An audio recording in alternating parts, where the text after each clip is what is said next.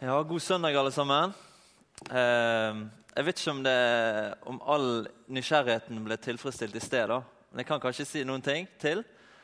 Og Jeg eh, er jo bergenser da, og har nettopp flyttet til Bergen igjen. og Jeg sa jo det at jeg hadde valget mellom Oslo og Bergen. og Det var fordi at min kone har begynt på medisinstudiet. da. Og da er det begrenset med plasser de har det. Så da, eh, da var det veldig kjekt å komme til Bergen igjen. Men jeg hadde det veldig fint på Sørlandet. Jeg bodde der i syv år. Seks av de bodde jeg oppe i en liten innlandsbygd i Indre Agder som heter Eiken. Og Der fant jeg meg en flott kone da, som eh, sitter hjemme og leser til eksamen. Eh, og så, eh, ja, og så jobbet jeg da først som ungdomsarbeider og forkynner, og så jobbet jeg litt som kretsleder det siste. Og så var det da til Bergen igjen. Og, det, og I løpet av de årene så ble jeg nok litt sånn miljøskadet. Da, så jeg er egentlig nesten blitt litt sånn bygde, bygdis. Så, så, nå må jeg på en måte om eh, omsosialiseres igjen, holdt jeg på å si. Nei, så det, det, Jeg likte det der rolige bygdelivet, faktisk. det var herlig, det. Men det er fint i Bergen òg. Eh, ja. ja, men da tror jeg vi har det. Herre Jesus, takk for eh, muligheten til å samles om deg. Takk at det er løfterikt òg denne formiddagen, her, Jesus. For da har du sagt at da vil du være midt iblant oss. Og La oss få merke det noe videre, Jesus, at du er her, at du vil oss noe. Må du åpne ordet ditt for oss, Jesus. Må du gjøre det levende for hjertene våre. Og la den enkelte av oss få et møte med deg, Herre. Og så ser du det jeg har tenkt på i formiddag, Herre. Må du styre min tanke og min tunge, Jesus. Og må du, eh, jeg ber om at det som jeg forkynner, at det må bo i mitt hjerte, Jesus. At det kan gå fra hjerte til hjerte. Så ber vi om et møte med deg, Herre for ditt navns skyld, til ære for ditt navn og til framgang for ditt rike, Jesus. Amen. Jeg så litt på disse her eh, tekstene for dagen. da, og Da var det en av tekstene som var fra Johannes' åpenbaring, kapittel 5. Og Det var jo bare noen av de første versene, men, men det er et veldig flott kapittel. da. Det er ikke så langt kapittel, men, men eh, så jeg har lyst til å ta hele kapittelet. Og i kapittel 5 Johannes' så møter vi en, et syn, en åpenbaring, som Johannes fikk se mens han satt forvist på øyen Patmos. Og I kapittel 1 vers 9 kan vi lese at der satt han, der var han blitt forvist pga. Guds ord og Jesu vitnesbyrds skyld. Så det var pga. at han var rundt og virket for Jesus. Så var han et problem som de måtte kvitte seg med. Og så var, ikke, var, han den eneste av disiplene som ikke måtte bøte med livet, men han ble forvist istedenfor til en øy. Og så innledes da kapittel 1 Johannes' åpenbaring med å understreke at dette som vi leser denne boken, her, det er det Jesus som var åpenbart for Johannes. At dette var ikke noe som, noen fantasier som han fikk. Dette er ikke noen eh, noe eventyr som han fant på, som oppkom i hans hjerte. Men det er Jesu Kristi åpenbaring. Så egentlig så kunne hele boken het det. egentlig. Jesu Kristi åpenbaring. Og Det vi kan lese om eh, utover i Johannes' åpenbaring, det handler om de siste tider. Det handler om dommen som skal komme, og en ny himmel og en ny jord som Gud skal skape. Og så er det i kapittel 5 at Johannes får se inn i noe som jeg har lyst til å ta frem her i dag. Og Det begynner sånn. Og jeg så at han som satt på tronen, hadde en bokrull i sin høyre hånd. Det var skrevet både inni den og utenpå, og den var forseglet med sju seil. Og jeg så en mektig engel som ropte med høy røst. Hvem er verdig til å åpne boken og bryte seilene på den? Og det var ingen i himmelen eller på jorden eller under jorden som kunne åpne boken eller se i den. Da gråt jeg sårt fordi ingen var funnet verdig til å åpne boken eller se i den. Dette er altså situasjonen her. Gud sitter på sin himmelske trone med en bokrull i sin høyre hånd.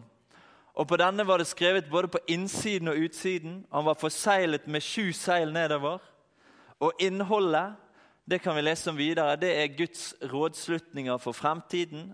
Det var en beskrivelse av det som skulle skje. Og så går altså ropet ut til all skapning i universet, levende og døde. Hvem er verdig? Hvem er verdig til å tre fram for Gud? Ta denne bokrull ut av hans høyre hånd og åpne seilet på den. Og Johannes han var sikkert veldig spent på å se hvem som nå skulle tre fram. Men når det ropet gikk ut, så ble det stille. Det var ingen som trådte fram. Det fantes ingen. Og det sto sånn i vers 3.: Og det var ingen i himmelen eller på jorden eller under jorden som kunne åpne boken eller se i den.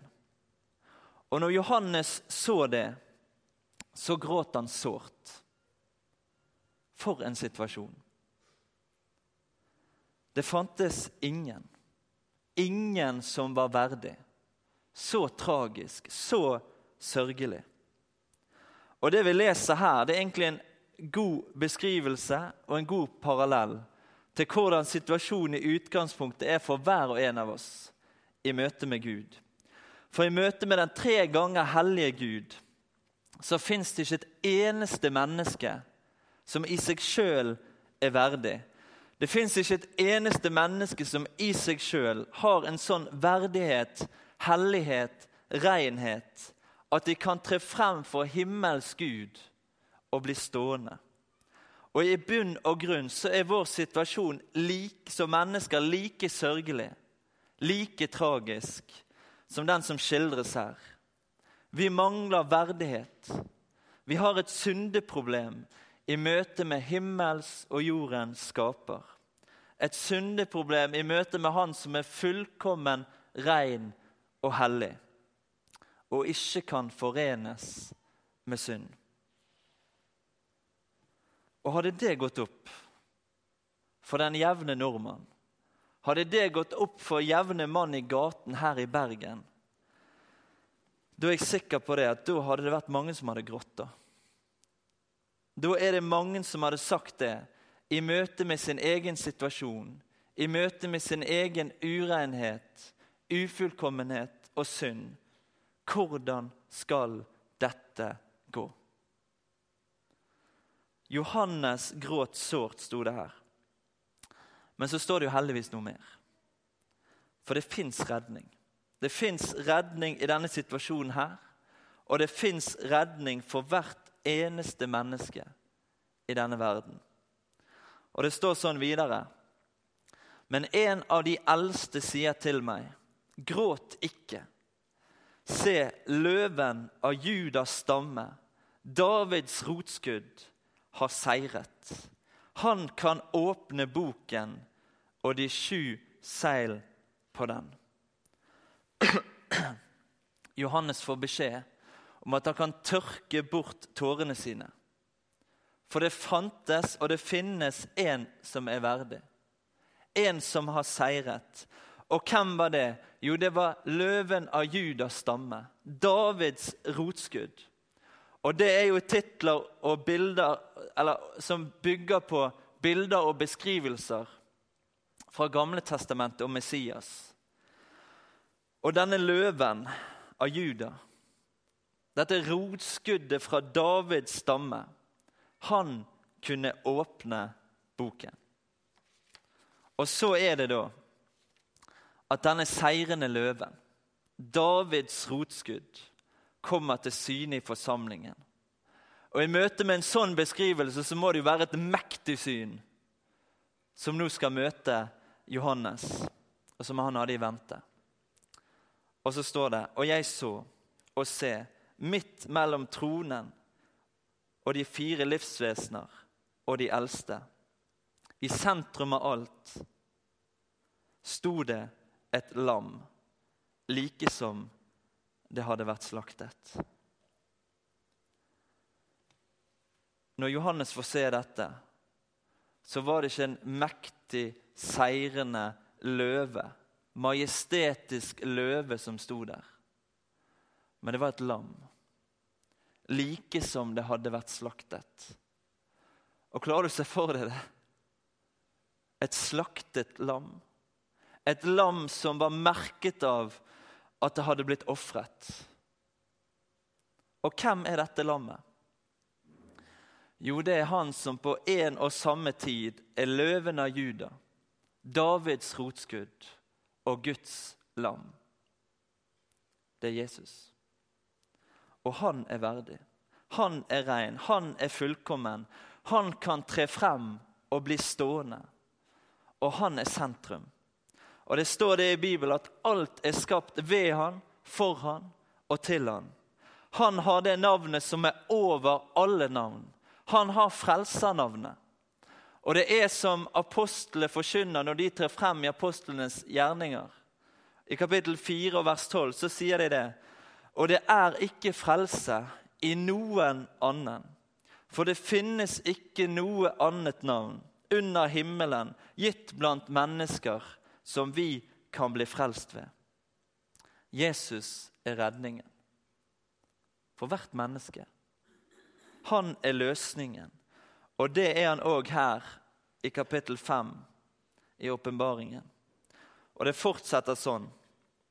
Lammet kom bort til ham som satt på tronen, og tok boken av hans høyre hånd. Da det tok boken, falt de fire livsvesener og de 24 eldste ned for lammet. Hver av dem hadde en harpe og gullskåler fulle av røkelse. Det er de helliges bønner. Han er den eneste i tilværelsen som er verdig til å ta denne boken ut av Guds hånd. Og idet han gjør det, så faller hele den himmelske forsamlingen ned foran. Og jeg syns det er litt av en kontrast jeg, i forhold til hva som møtte Jesus her på jord. For han som på denne jorden ble spottet, hånet, spyttet på, slått, pisket, hudstrøket, kledd opp med tornekrone og naglet til et kors i møte med Han faller hele den himmelske forsamlingen ned i hyllest, takk og tilbedelse. Og hør hva de synger. Og de synger en ny sang og sier, Verdig er du til å ta imot boken og åpne seilet på den, fordi du ble slaktet og med ditt blod kjøpte oss til Gud av hver stamme og tunge og folk og ett. Og gjorde dem til et kongerike og til prester for vår Gud. Og de skal herske som konger på jorden. To ting her. Det ene lammet Jesus er verdig til å åpne denne boken fordi, sto det, han ble slaktet og kjøpte oss til Gud med sitt blod. Han som var feilfri, han som var uten synd, ble naglet til et kors. Han var det feilfrie lammet som ble ofret for våre synder. Og i nettopp dette, som for alle andre må ha sett ut som nederlag, total fiasko For han som var Guds sønn, så lå seieren. Jesus han er det lammet som ble slaktet i fornedrelse. Men samtidig ser han òg seierherren fra Golgata. Og han er den som har ordnet opp i syndeproblemet. Han er den som kan rense syndige mennesker fri for synd. Som kan gi et menneske del i en fullkommen frelse. Og han er den eneste som holder mål innenfor Gud. Og så står han der for Guds åsyn som representant, talsmann, advokat for hver og en som hører han til. Og på grunn av det at han står der for oss, og vi er i han, står det i Bibelen, vi er skjult i han, så forkynner Bibelen oss det at derfor står vi hellig feilfri og ulastelig fremfor Faderens åsyn i Jesus. Og Jeg vet ikke om det er sånn du føler deg til vanlig. Hellig, feilfri, og ulastelig. Sånn i hverdagen din når du går rundt. Men i Jesus er du det. Du er i Han. Og det er enormt, dere. Å få være i Jesus. Hellig, feilfri og ulastelig. Og med sitt offer og med sitt blod har han kjøpt oss til Gud av hver stamme og tunge og folk og ett. Og Det leder meg inn i det andre her. For det sto videre og gjorde dem til et kongerike og til prester for vår Gud. Og så er det to andre bibelsteder jeg har lyst til å dra inn her, som sier noe av det samme. Og Det første er fra 1. Peters brev, kapittel 2, og vers 9-10. Og Der står det sånn Men dere er en utvalgt ett, et kongelig presteskap, et hellig folk, et folk til eiendom, for at dere skal forkynne Hans storhet, Han som kalte dere fra mørket til sitt underfulle lys. Dere som før ikke var et folk, men nå er blitt Guds folk. Dere som før ikke hadde funnet miskunn, men nå har fått miskunn. Og 2. Korinterbrev 5, 19 og 20. Det var Gud som i Kristus forlikte verden med seg selv, så han ikke tilregner dem deres overtredelser, og la ned i oss ordet om forlikelsen. Så er vi da sendebud i Kristi sted, som om Gud selv formaner ved oss. Vi ber i Kristi sted, la dere forlike med Gud. Det er to bibelsteder som begge sier noe veldig sterkt om hva som er saken for den som Jesus har fått kjøpt til Gud med sitt blod, og som har latt seg forlike og frelse. Et kongerike. Prester for Gud, sto det i Åpenbaringen 5. Og I 1. Peters så sto det et kongelig presteskap. Og Det bygger jo på presten sin rolle i Gamletestamentet. Som mellommann mellom Gud og folket. Og 2. Korinterbrev 5, der sto det 'sendebud' i Kristi sted. Ambassadører for Jesus. Og begge understreker veldig sterkt det kallet vi har til å forkynne om Han. Til å forkynne Hans storhet. Og som sendebud i Kristi sted bringe ut et budskap til folket vårt om at de må la seg forlike, forsone med Gud. Og Derfor står vi her i dag, dere. Det er en grunn til at Herren ikke rykker et menneske rett opp i det øyeblikk dette mennesket blir frelst. I det øyeblikket et menneske fatter tillit til evangeliet.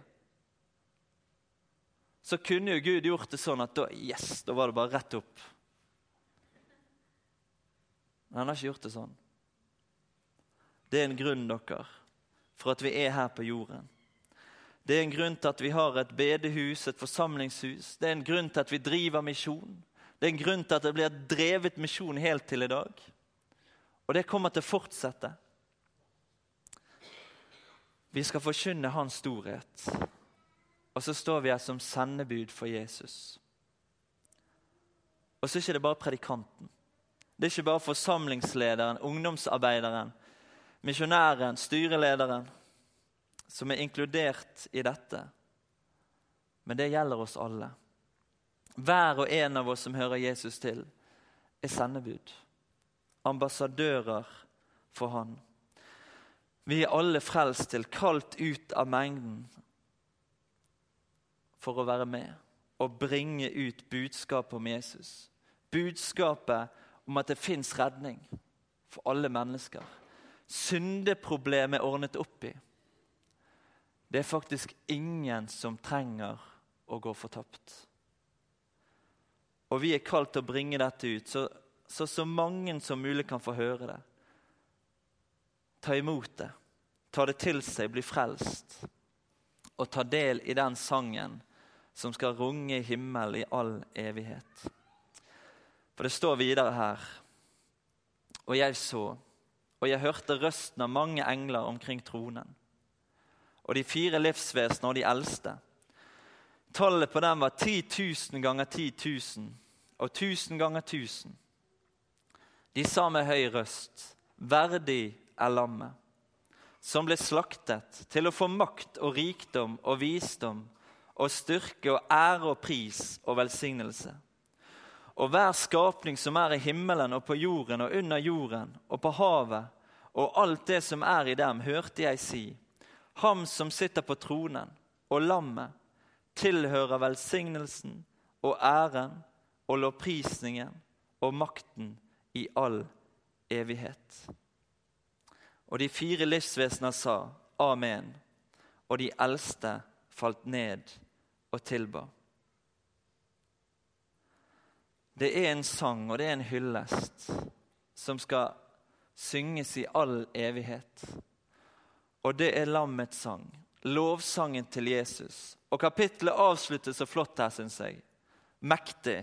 At alle, absolutt alle, engler, livsvesenet, de eldste, hver skapning som lever og har levd, skal ta del i den hyllesten. Og de skal alle falle ned for Jesus. Og Det samme møter vi òg i Filipperbrevet kapittel 2. Jeg har lyst til å ta med det òg her.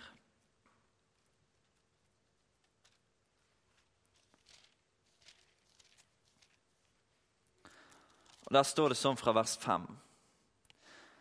La dette sinn være i dere, som òg var i Kristus Jesus.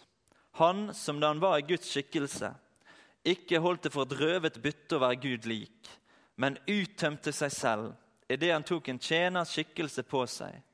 Da han kom i menneskers liknelse, og da han i sin ferd var funnet som et menneske, fornedret han seg selv og ble lydig til døden, ja, døden på korset. Derfor har òg Gud høyt opphøyet ham og gitt ham det navn som er over alle navn, for at i Jesu navn skal hvert kne bøye seg, dere som er i himmelen og på jorden og under jorden, og hver tunge skal bekjenne at Jesus Kristus er Herre, til Gud Faders ære. Hvert kne skal en dag bøye seg for Jesus. Og Som det òg sto i Johannes' åpenbaring kapittel 5, så gjelder det alle. Og Vi møter akkurat de samme benevnelsene her. Dere som er i himmelen og på jorden og under jorden. Og hver tunge. Hvert kne. Og det er utrolig å tenke på. Veldig merkelig å tenke på. Men én dag skal det skje dere.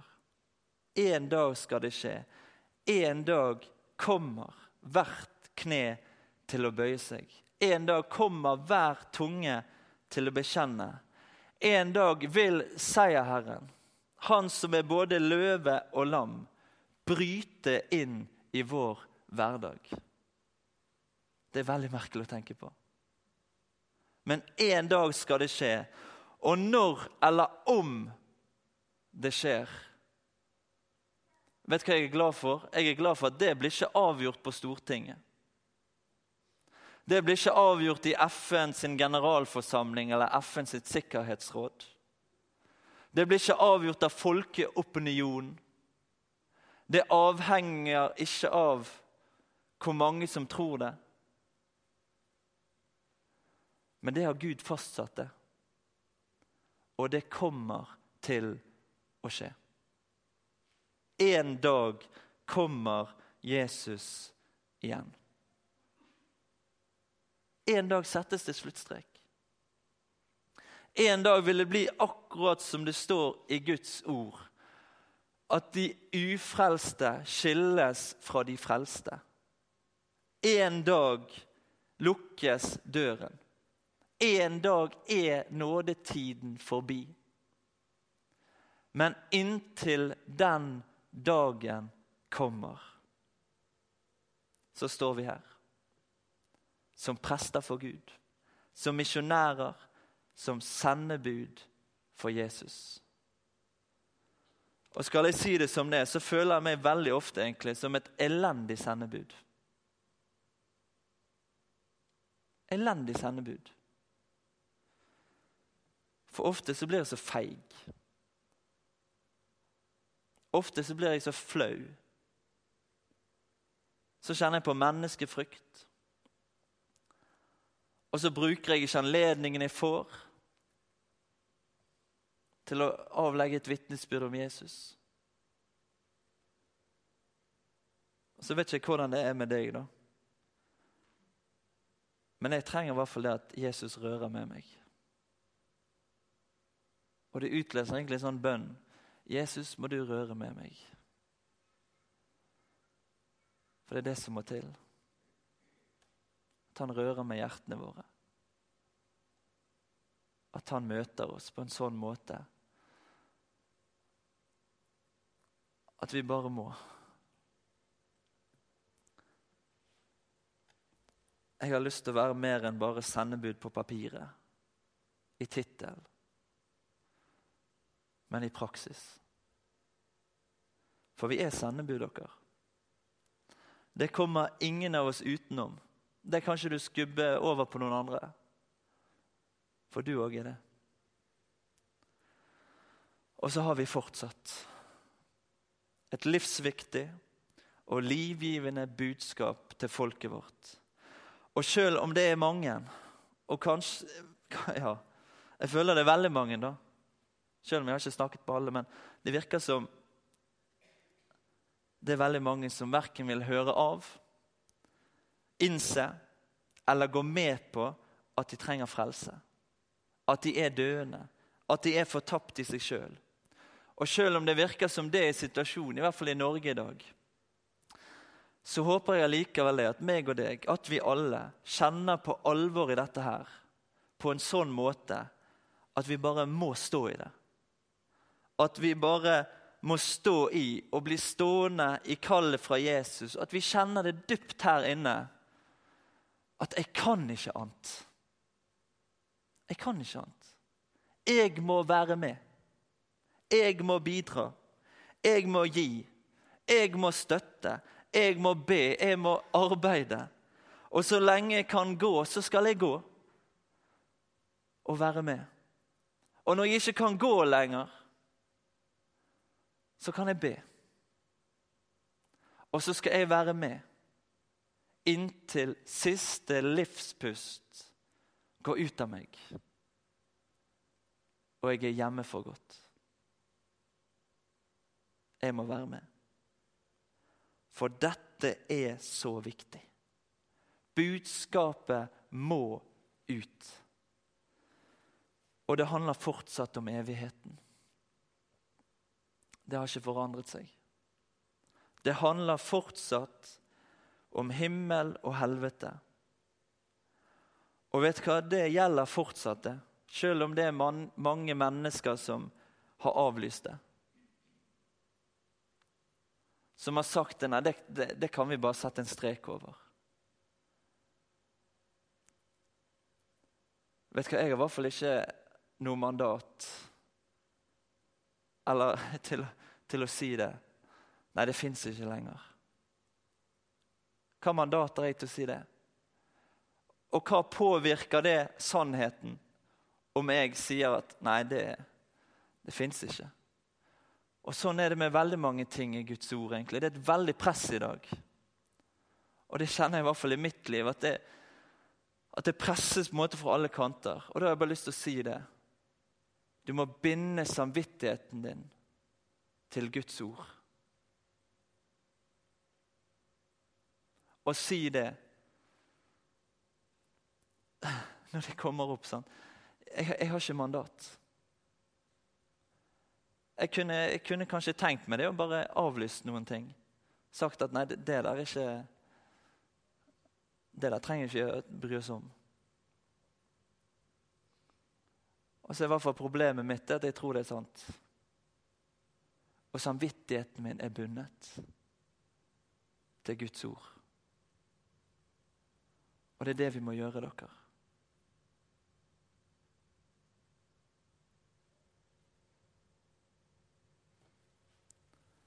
Og så gjelder jo dette Og det er da det blir nærgående, sant? og det vi helst ikke vil la gå inn over oss, kjenner i hvert fall jeg.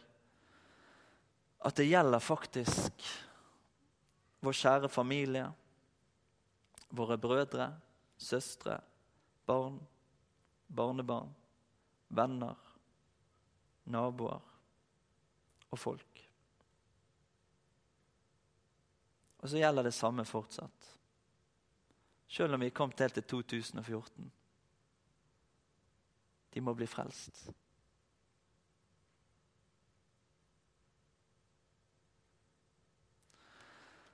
Herre Jesus, takk at du er seierherren fra Golgata. Og så er det vanskelig for oss å fatte dette, Jesus, men takk at vi får skue inn i det, Herre, at, at uansett, Herre, så går det mot seier. Uansett, Herre, hvor mørkt det måtte bli i denne verden her, så kommer det til å skje. Det vi kan lese i ditt ord, Herre. At en dag så kommer du igjen, Jesus. En dag så åpnes livets bok for å se hvem som har navnet sine skrevet der. Så skilles de frelste fra de ufrelste.